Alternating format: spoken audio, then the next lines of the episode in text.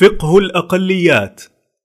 بحث المجلس على مدار يوم كامل محور فقه الأقليات الموضوع الذي يليه أهمية خاصة من أجل ما ينبني على مراعاته من فهم واقع الوجود الإسلامي في غير البلاد الإسلامية وتنزيل الأحكام الشرعية المناسبة على ذلك الواقع. واستقر المجلس على صحة استعمال مصطلح فقه الأقليات حيث لا مشاحة في الاصطلاح وقد درج العمل عليه في الخطاب المعاصر إضافة إلى كون العرف الدولي يستعمل لفظ الأقليات كمصطلح سياسي يقصد به.